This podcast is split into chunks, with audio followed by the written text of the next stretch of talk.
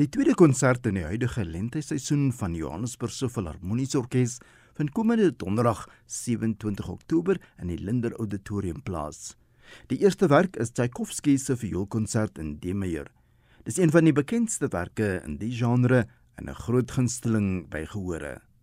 Tydens 'n besoek aan die Genève meer in 1878 in die violist en vriend Josef Kotek vasgeloop.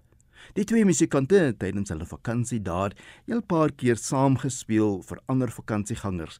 En die eerste saadjie vir Tchaikovsky se vioolkonsert is geplant.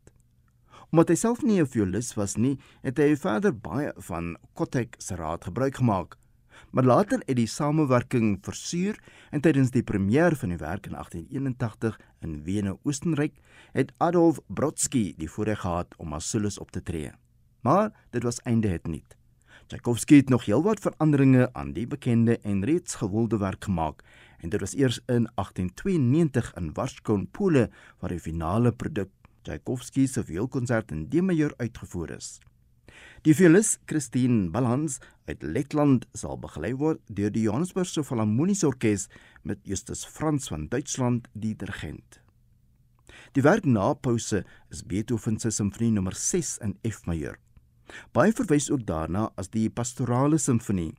Dit word ook beskou as een van die eerste voorbeelde van programmusiek waar 'n toneel in klank verbeeld word. Die werk se premier was op 22 Desember 1808 saam met 'n uitvoering van Beethoven se simfonie nommer 5.